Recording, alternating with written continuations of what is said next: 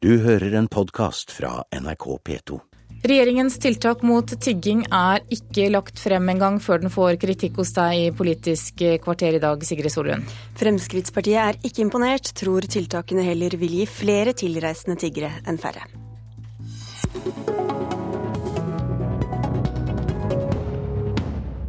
Meldeplikt, begrensning av tid og sted for tigging, penger til humanitære tiltak og lavere terskel for å utvise kriminelle EØS-borgere. Det er noen av tiltakene regjeringen legger fram i dag for å få færre romfolk som tigger eller begår kriminalitet i Norge. Justisminister Grete Faremo, hvor mange færre tror du kommer til Norge med denne politikken? Ja, Nå introduserer vi eh, nye forbud ved at vi gir kommunene mulighet til å forby tigging på visse steder og til visse tider. Tigging er uønska i Norge. Og de tiltakene som vi nå iverksetter, er tiltak som også andre land har anvendt med eh, gunstig virkning. Så du tror på effekt? Jeg tror vi er bedre forberedt med disse tiltakene på en situasjon enn vi var i fjor. Nestleder i Fremskrittspartiet, Per Sandberg, hvor stor tro har du på disse tiltakene? Nei, dessverre. Jeg har ikke noe tro på at dette her vil eh, dempe eh, i forhold til hvor mange som skal komme til Norge. For uh, samla sett så er disse forslagene verken fugl eller fisk.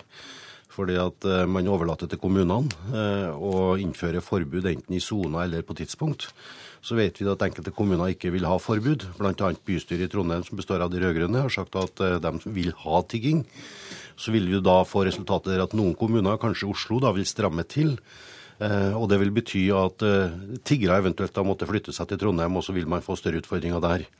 I, I, tillegg så er dette et signal eh, til alle dem som har tenkt å komme til Norge og tigge denne sommeren. Signal om at Norge legger til rette for tigging. Hvor mange tror du kommer for å nei, gå på toalettet i Norge? Det er helt umulig å si, men jeg lytter til politiet, eh, som advarer sterkt imot om, i, i, forhold til hvor mange som kan komme. Det kan komme en flom, sier politiet. Men er det pga. at de kanskje skal få seg en dusj? Nja, det er klart at det er to ting du gjør her. For at du signaliserer at ja, det er tillatt med tigging i Norge, men du må finne deg et rom, et, eh, et torg, eh, et utvalgt gate, eller du må tigge på bestemte tidsrom. Samtidig så signaliserer man at man skal gi penger eh, til organisasjoner for å tilrettelegge for tiggerne. Da regner jeg med det at det betyr da sanitæranlegg og kanskje også mat. Velger dere bort effektive tiltak Grete Farmo, for å være medmenneskelige? Nei, og eh, vi er likevel i en situasjon hvor vi ikke kan forby fattigdom.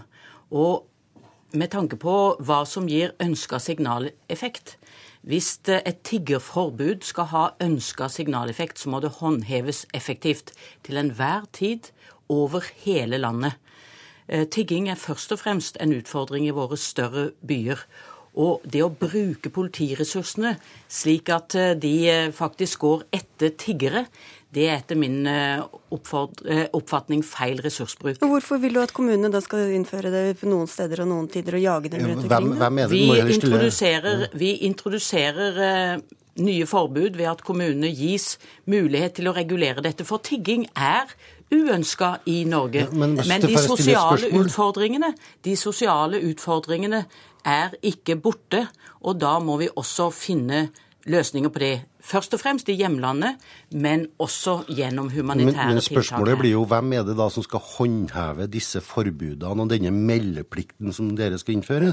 Eh, og hvem er det som da skal håndheve terskelen i forhold til å utvise mer? Det blir jo det samme da, hvis ikke du skal overlate det til kommunearbeidere, sånn som tilfellet blir i Trondheim f.eks.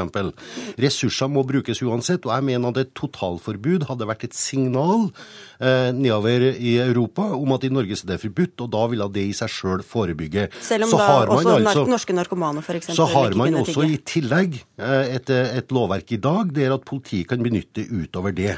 Eh, så jeg, dessverre, jeg har ikke noe tro på at vi vil få en mindre tilstrømning av tiggere med dette, disse forslagene. Ressursbruken er helt sentral, og det er derfor vi målretter tiltakene.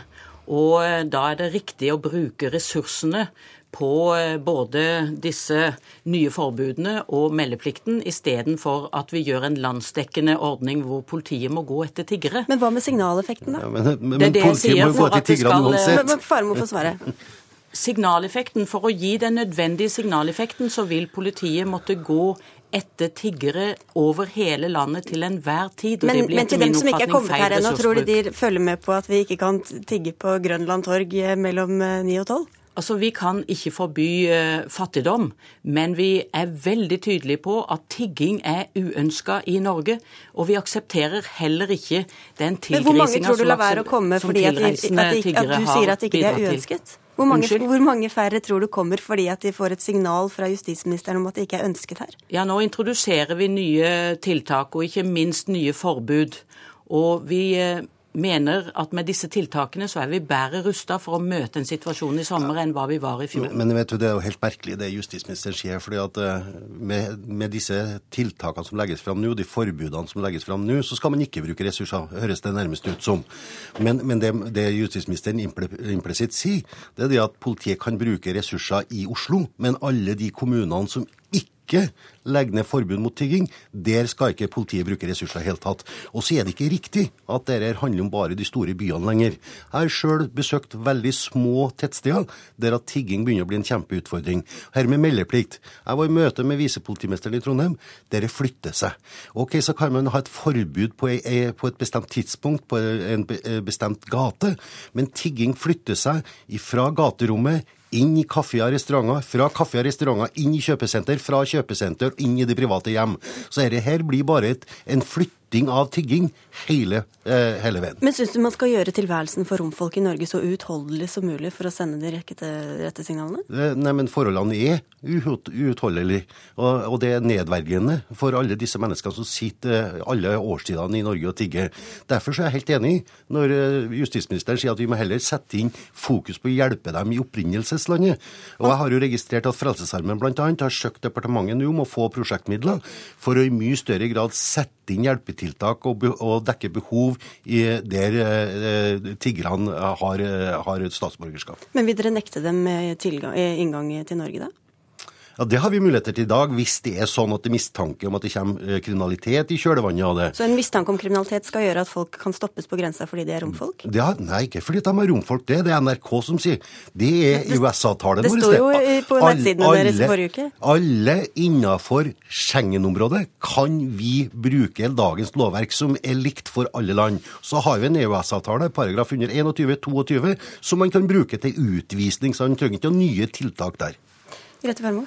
Ja, Ressurser skal brukes på å bekjempe kriminalitet. Og vi målretter ressursbruken med de nye forbuds Eh, forslagene som, eh, som, vi nå legger fram. Dette er en utfordring først og fremst i de største byene, og vi bruker virkemidler som er både kjent i andre land, og meldeplikt er også brukt med gode resultater i noen byer. Dere vil også gi én million kroner på å forske på hvorfor fattige mennesker kommer til Norge. Hva er det dere lurer på der, egentlig? Det er eh, en million avsatt til forskningstiltak vi ønsker å gå grundigere inn i problematikken rundt tigging, og den vil ikke bare være avgrensa til tilreisende tiggere, men også tigging ellers i Norge. Grete Farmo og Per Sandberg, dette blir nok mer snakk om utover dagen. Takk skal dere ha for at dere kom til Politisk kvarter.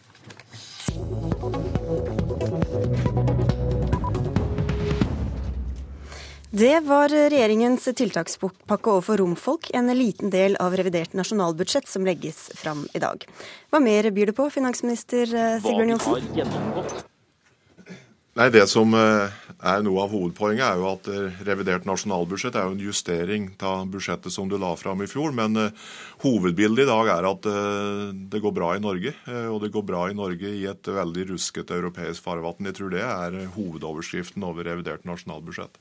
Du vil ikke diskutere med noen før budsjettet er lagt fram, men man kan jo spørre seg hvorfor, når dere alt har lekket, jeg nevner i fleng, noen millioner til villfisk, til studentboliger, til Høgskolen i Sør-Trøndelag, til private barnehager, til IKT i helsevesenet helsevesenet og IKT-satsing for Kirken, til Arbeidstilsynet, til nytt eh, nasjonalmuseum, i tillegg til store pakker for næringsliv og skogsektor, for å nevne noe. Ja, det er, altså Ideelt sett så burde jo alt presenteres i én smell den dagen på det tidspunktet finansministeren har pressekonferanse. Men eh, det fungerer ikke slik i virkeligheten, så det er nesten ikke til å unngå at det kommer en del lekkasjer. Og det har jo sammenheng med at det er konkurranse om oppmerksomheten òg. Og valgår, kanskje? Ja, det er valgår, men eh, det er, eh, det er, heller ikke uvanlig at, andre, at det blir lekkasjer òg i andre år enn valgår. Så, så, det er for så vidt eh, ikke noe spesielt. Hvorfor smører dere så tynt utover som dette er et eksempel på, i stedet for én satsing på ett stort eh, område? Det er jo to, to, viktige ting som allerede er annonsert, som nå blir eh, nærmere gått gjennom i revidert nasjonalbudsjett. Eh, for det første er det den eh, tiltak for skog og treforedling, som er en ganske stor satsing.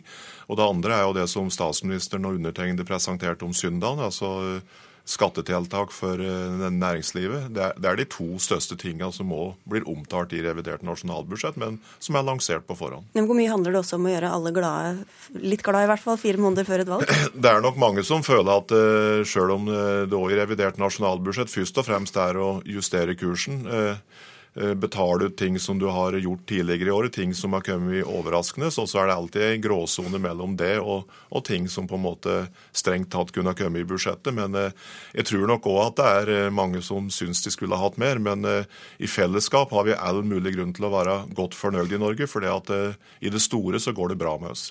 Hvilke grep tar dere for å minske gapet mellom oljeindustrien, der lønningene er høye og inntektene kommer, og industrien hvor det, pilene peker nedover?